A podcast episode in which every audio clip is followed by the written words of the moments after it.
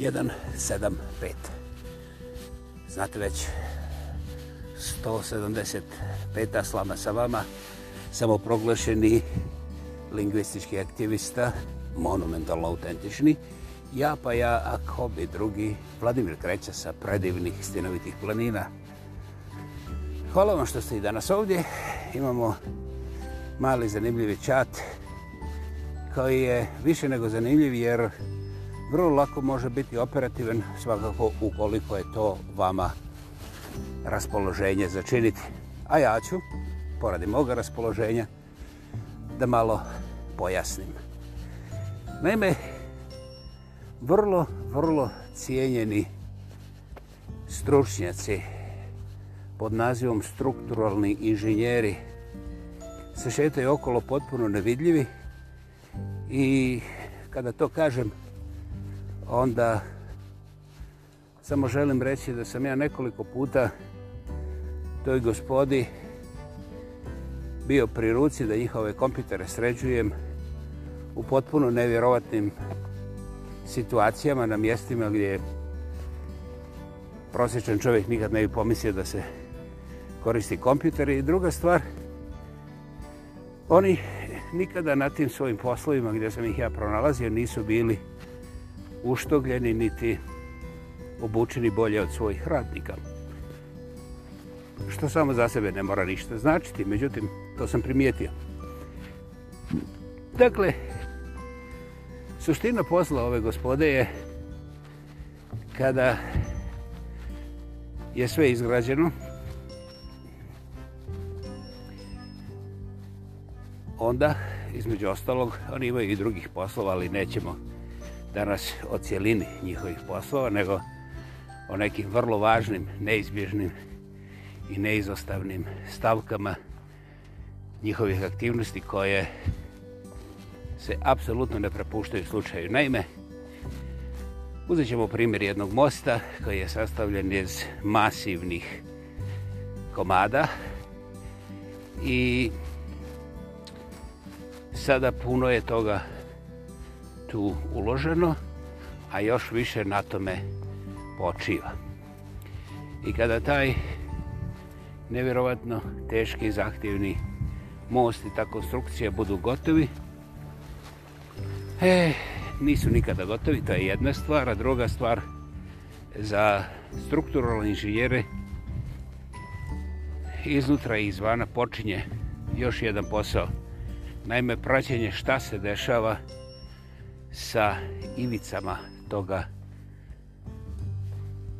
velikog mosta, šta se dešava na krajevima najvećih ili najmanjih elemenata također, šta se dešava sa zemljom ispod okolo i tako dalje. Drugim riječima, nijedan detaljče se ne ostavlja slučaju i prati se kako ta konstrukcija diše. Naravno, ja sam uzeo primjer mosta, ali bilo koja velika konstrukcija, ne mora biti betonska, je pod njihovim vrijednim okom stručno kontrolirana doslovce iz minuta u minutu. I sad, kakve to može biti ne veze, može imati sa vama. Znate, ima još jedna interesantna stvarčica. Jedan veliki Schelling je ovaj, u traktatu o ljudskim slobodama rekao da je svaka organizacija, dobro ste čuli, svaka organizacija, negacija ljudske slobode. Naime, čim se povuče crta u pijesku, čim se povuče šta je unutra, a šta je vani, mi već zauzimamo subjektivnu, neobjektivnu poziciju. Jer eh, bez obzira kako tumačili objektivne i nemoguće u, u sustavu podijeljenosti, mi možemo objektivno da utvrdimo koliko brojki je ovamo, koliko brojki je onamo. Međutim, to nije apsolutno, to je relativna objektivnost. Objektivnost. I, znači, čim bi povučila ta crta u pjesku, imamo koji su unutra i koji su vani. Interesantno, ako oni koji su vani zamisle da su unutra, onda počinje, ha, kako ste pogodili, rat. Da li verbalni, da li buzdavanski, ili već kakva sredstva se koriste, ne znam. Ali, eto, ne može se bez rata. Dakle, kada pogledamo malo bolje sa kakvom nevjerovatnom militantnošću u najvećim gradovima ove planete, bilo gdje, ja nisam bio svima, pa ako slučajno malo grešim ovaj, He, možete mi oprostiti, ali i ne morate. Važno je da razumijete. Dakle, e, nevjerovatno je koliko u najvećim gradovima ove planete gdje bi čovjek očekivao naš strukturar, strukturalne inženjere i opet mi je jezik težak, či moram više jogurta za doručak. Dakle, čovjek bi očekivao uh, e, razno razne druge inženjere, jeli, znanstvenike, kompjuteraše i ko zna šta sve ne već. Međutim, u tim najvećim gradovima planete danas caruju najrazličitije vjerske organizacije koje, uključujući i one najveće, jeli, koje imaju svoje, e, nazovimo ih radnike na terenu, koji vrlo militantno pristupaju svakome i ovaj, objašnjavaju koristi ljepote divote i zašto sve ne treba ući i pridružiti se baš njihovoj religijskoj organizaciji, a ne onima tamo. Interesantno je da je baš ta vrsta aktivnosti nekako monumentalno neomiljena sredstvima javnih priopćavanja ili dragoj našoj mediji, kako ljudi vole reći, i niko o tome ništa ne govori. A na ulicama se dešava svašta. Barem sam ja vidio stvari i ponašanja za koje sam mislio da ne, možda su završile u srednjem vijeku. Međutim, vrlo brzo sam naučio kako srednji vijek na mnogim mjestima još uvijek nije ni započeo najozbiljnije. Ja inače nisam popio jogurt i osim vode ništa jutros, tako da ovaj, koliko mogu držim svoj pogled čisto tih strestava za alterniranje slika iz ove takozvane realnosti. Dakle,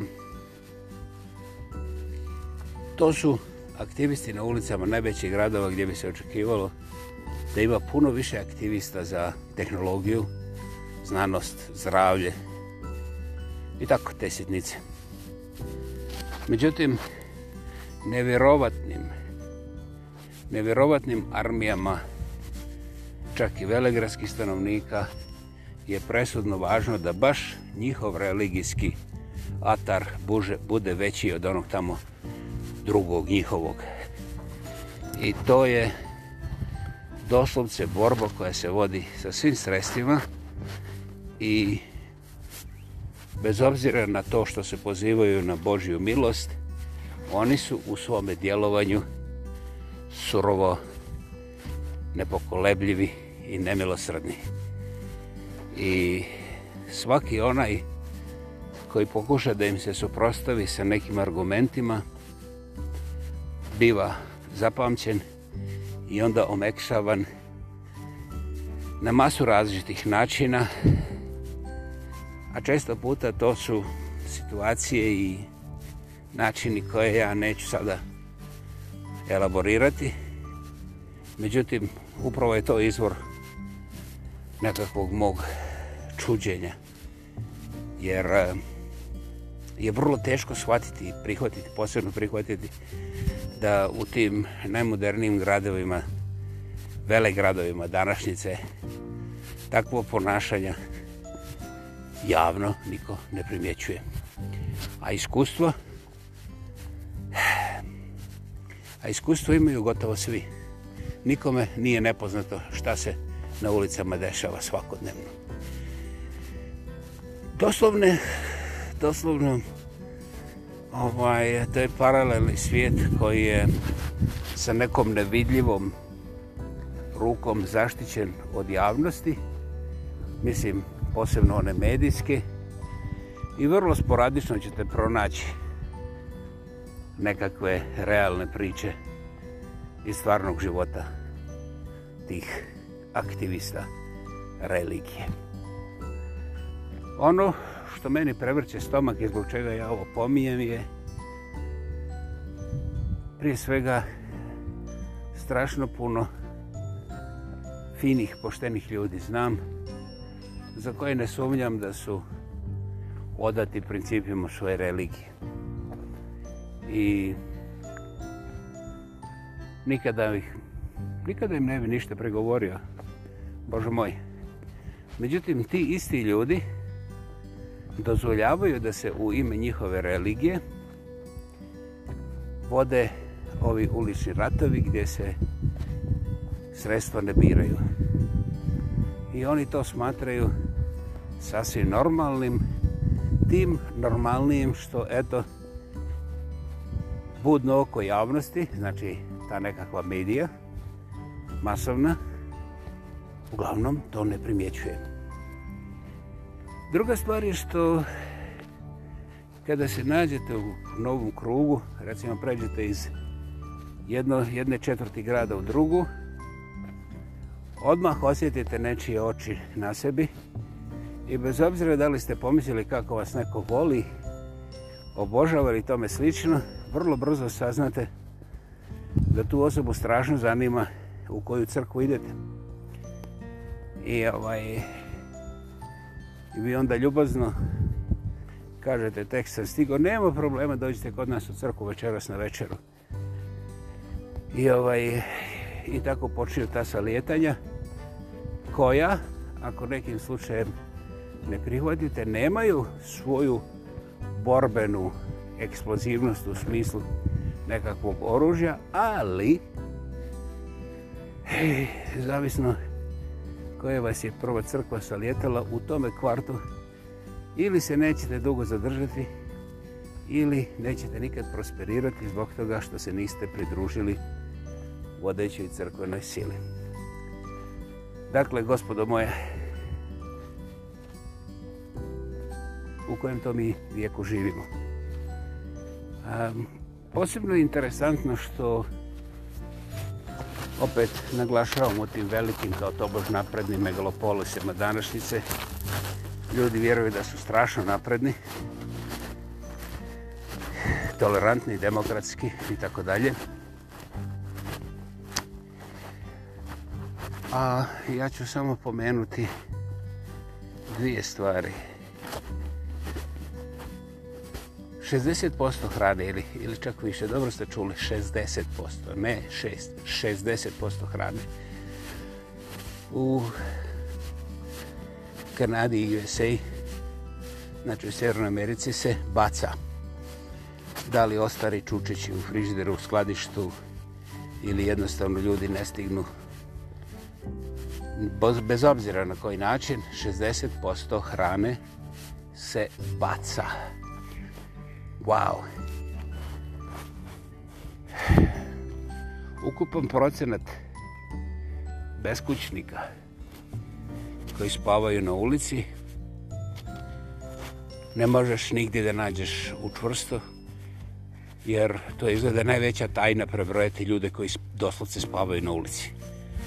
Ja namjerno to istraživanje nisam uh, izvršio, ja sam eto imao tu nesreću u tom smislu da godinama se šetam tim i takvim gradovima, sada već preko 30 godina, i da vidim za mene nevjerovatan broj beskućenja koji doslovce spavaju na ulici, pa onda ispod mosta, a jedan naš čovjek koga sam ja dobro poznavao je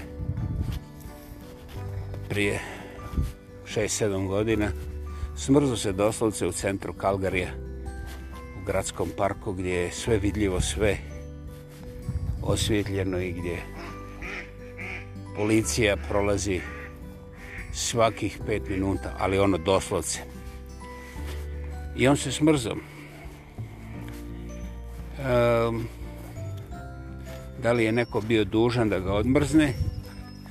Znate, to je vrlo cinično pitanje, jer ako imamo toliko vjernika i toliko crkava, onda je meni nejasno zašto ti koji preko dana uglancani idu sa Biblijama okolo i ubježuju ljude u ljepote crkve, kako je moguće da ni jedan od tih pobožnih i religioznih ne zađe poslije ponoći pa vidi nekog od tih ljudi koji se smrzavaju, pa barem da ga pokrije, da se čovjek ne smrzne. Ne moramo udati ovaj vilu sa 16 soba, ali eto, ako nemaš čim da ga pokrije, onda da ga probudi, da se ne smrzne čovjek i da mu da ovaj šalicu toploga napitka.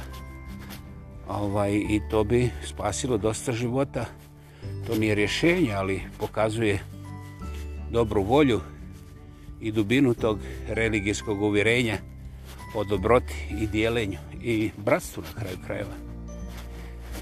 Dakle, ništa od toga. I onda dolazimo u situaciju da se optužujemo ko je ateista, a ko je teista.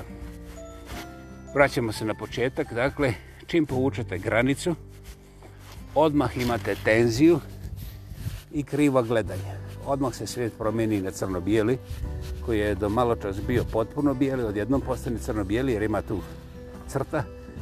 Iza ove crte smo mi, preko crte ste vi, dakle, nećete vi nama i tako dalje. E, zanimljivo je što svi znaju da Una znači jedno i da je univerzum jedno. I da ova naša planeta, sitnija od zrnca pijeska, tambura, potom univerzumu, vođena sa onim silama koje mi još nizdaleka ne razumijemo, ali zato znamo koga treba ovde zajahati i staviti sa one strane crte. To nije čak ni odvratno, gospodo moja. Jer ako nam neko ili nešto izvuče ovu planetu ispod guze, e, nećemo pasti. Ne, jer onda nema vremena ni da razmišljamo o egzistenciji, nećemo više postojati. I nema budale koje to ne razumije, ali svako će objasniti na svoj način i ovaj onda dodati kao ha ha ha, mi smo s ove strane crte, nas Bog na, naš Bog nas štiti, a vi koji ste tamo vi ćete upakao. Pri tome i jedni i drugi se kunu kako samo Bog sudi, a ne čovjek. Muzika zanimljivo. Znači, absurd, absurda realnost. I ja mislim da je to bio čak Dostojevski koji je raspravljao oko toga okay. u svoje vrijeme. Međutim, bez obzira ko je raspravljao, priča ostaje nje, sa strane. Dakle, dragi moji,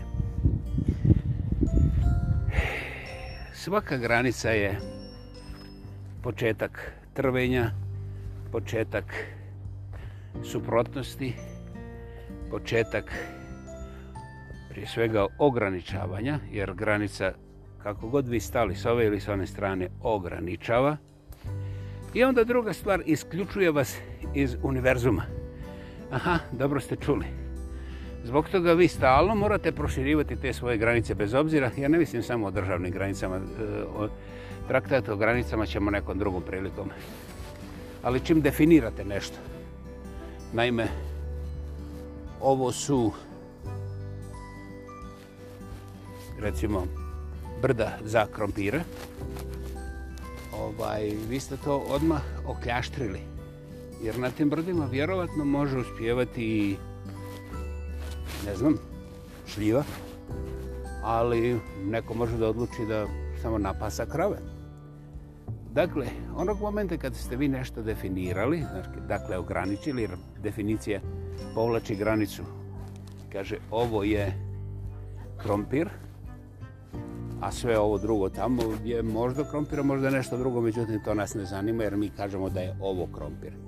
Dakle, da bi mi mogli reći da je ovo krompir, mi moramo imati definiciju i ta definicija mora biti jasna, da bi mi onda znali na kojim granicama razbijamo, pa mislim, vičemo na ove što hoće da utiču na naše slobode. Dakle, bez obzira što mi smanjujemo svoj radio skretanja, što se izoliramo od svijeta, mi vjerujemo da smo napravili nekakav svijet koji onda treba i svojim životom braniti. Pogledajte, to je također absurd. Mi sebe isključimo iz univerzuma, u ime samo jedne jedine parcele ili definicije, zavisi što hoćete, i onda se oglasimo žrtvama nekih tamo ružnih koji ne vjeruju, koji su glupi, koji hoće samo da napadnu nas i naše carstvo. Ha? I onda sam ja teista, jel da? ovaj, nije, nije tužno nije tužno, nije čak ni ružno. Eto, nažalost, postoji i postojeće još dugo vremena, tako da ovaj, ako se ljutite ili ako želite koristiti neka oružja kontra ovoga, ja bih vas rado zamolio da razmislite još jednom, jer ovaj problem se ne može riješiti sa oružjem, jer vidjeli ste odbrana granica sa oružjem je proizvela monstruoznu industriju oružja koja danas vlada sa svima nama i mi smo danas puno više novca, napora i ljudskih života uložili u oružje nego u samu odbranu dostojanstva ljudskog života, odnosno same egzistencije. Dakle, gospodo, sustavni, znači sistemski organizirani religijski oci. Vi ste izdajnici svega o čemu propovjedate ljudima. I ja vas neću počastiti sa puno lijepih riječi, ali manipulirate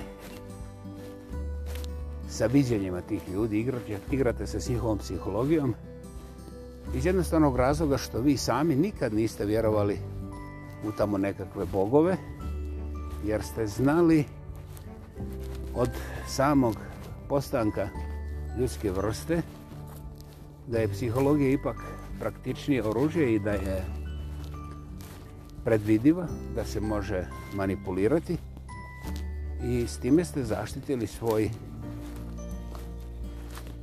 krug koji ste vi definirali da je poželjan za vas, s time ste napravili svoje carstvo I onda izgurali te male ljude, koga na ulicu, koga u neke predsjedničke dvore, da vas štite i svakako najprije vaše interese. I onda to zovete ateizmom. Ono što ja mogu naglas reći, sram vas bilo. Vi znate da teizam i ateizam nisu ama baš ničije vlasništvo i da vi niste u situaciji da sudite jer time ste izdali Boga u čije se ime kunete. Dakle, vi sebe eliminirate i onda napadnete mene zbog neke neprilagođene riječi koja se može tehnički napasti. Paže moj, ovo ste otkrili to. Iš. Ovo vam je na nekom jeziku koji neću prevoditi. Ali, istovremeno,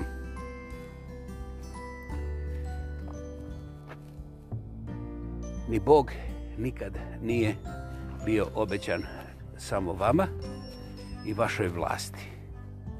Da ste ikad vjerovali u Boga, ne bi se ponašali kao njegov jedini zastupnik i jedini znalac, a vrlo često se ponašate i kao vlasnik toga samog Boga.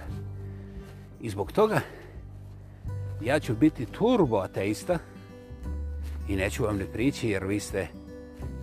Satane. Dakle, ako vam je čudo što iz finih gradskih kuća ovih maločas spomenutih gradova ima puno fine, super inteligentne djece koja sebe proglašavaju satanom i vode nekakve crne kultove, znate, vrlo jednostavno to ste vi proizveli. I to vam i kako odgovara da onda ove druge preplašite kako to ružno izgleda.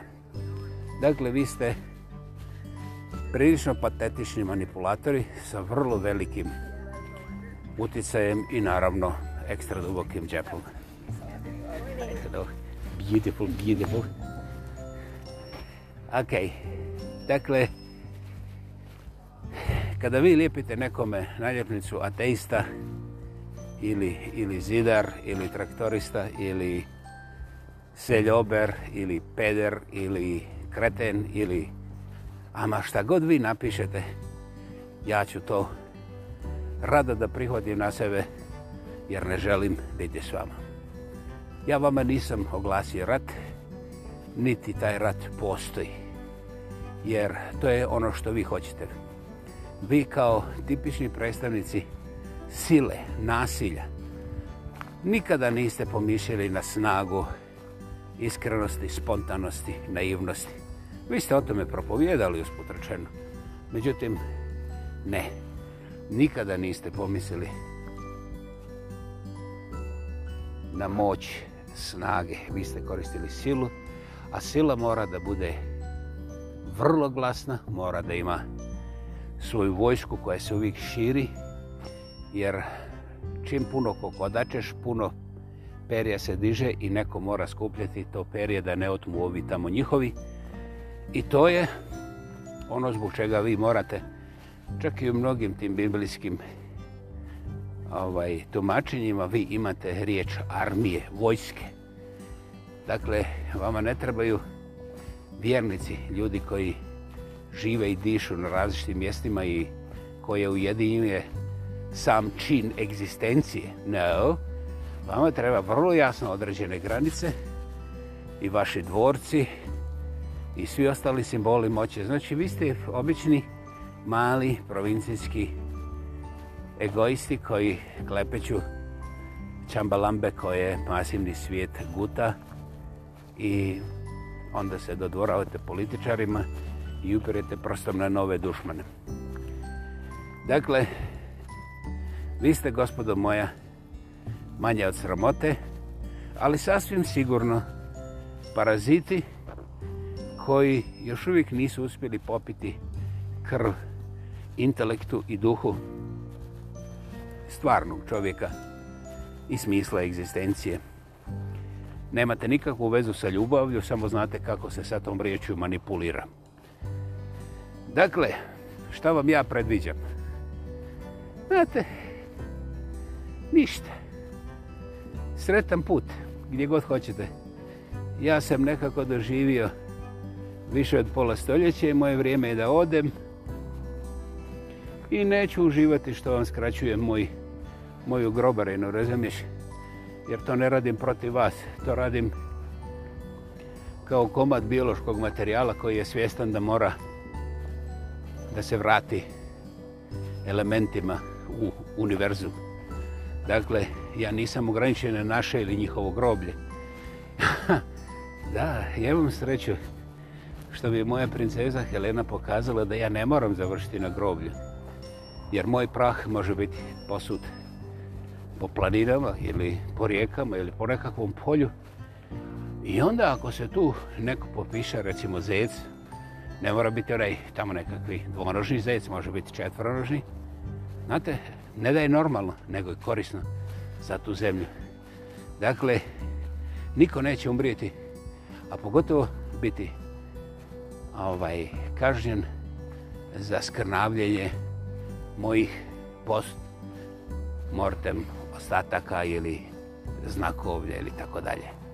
Dakle, ja imam u tome izvor ponosa i samo ponosa jer evo, neću zagađivati. 175. slama sa vama. Upravo završujemo. Hvala vam. Hvala vam. Evo, čujemo se prije nego što se vidimo. Svako dobro. Ćao.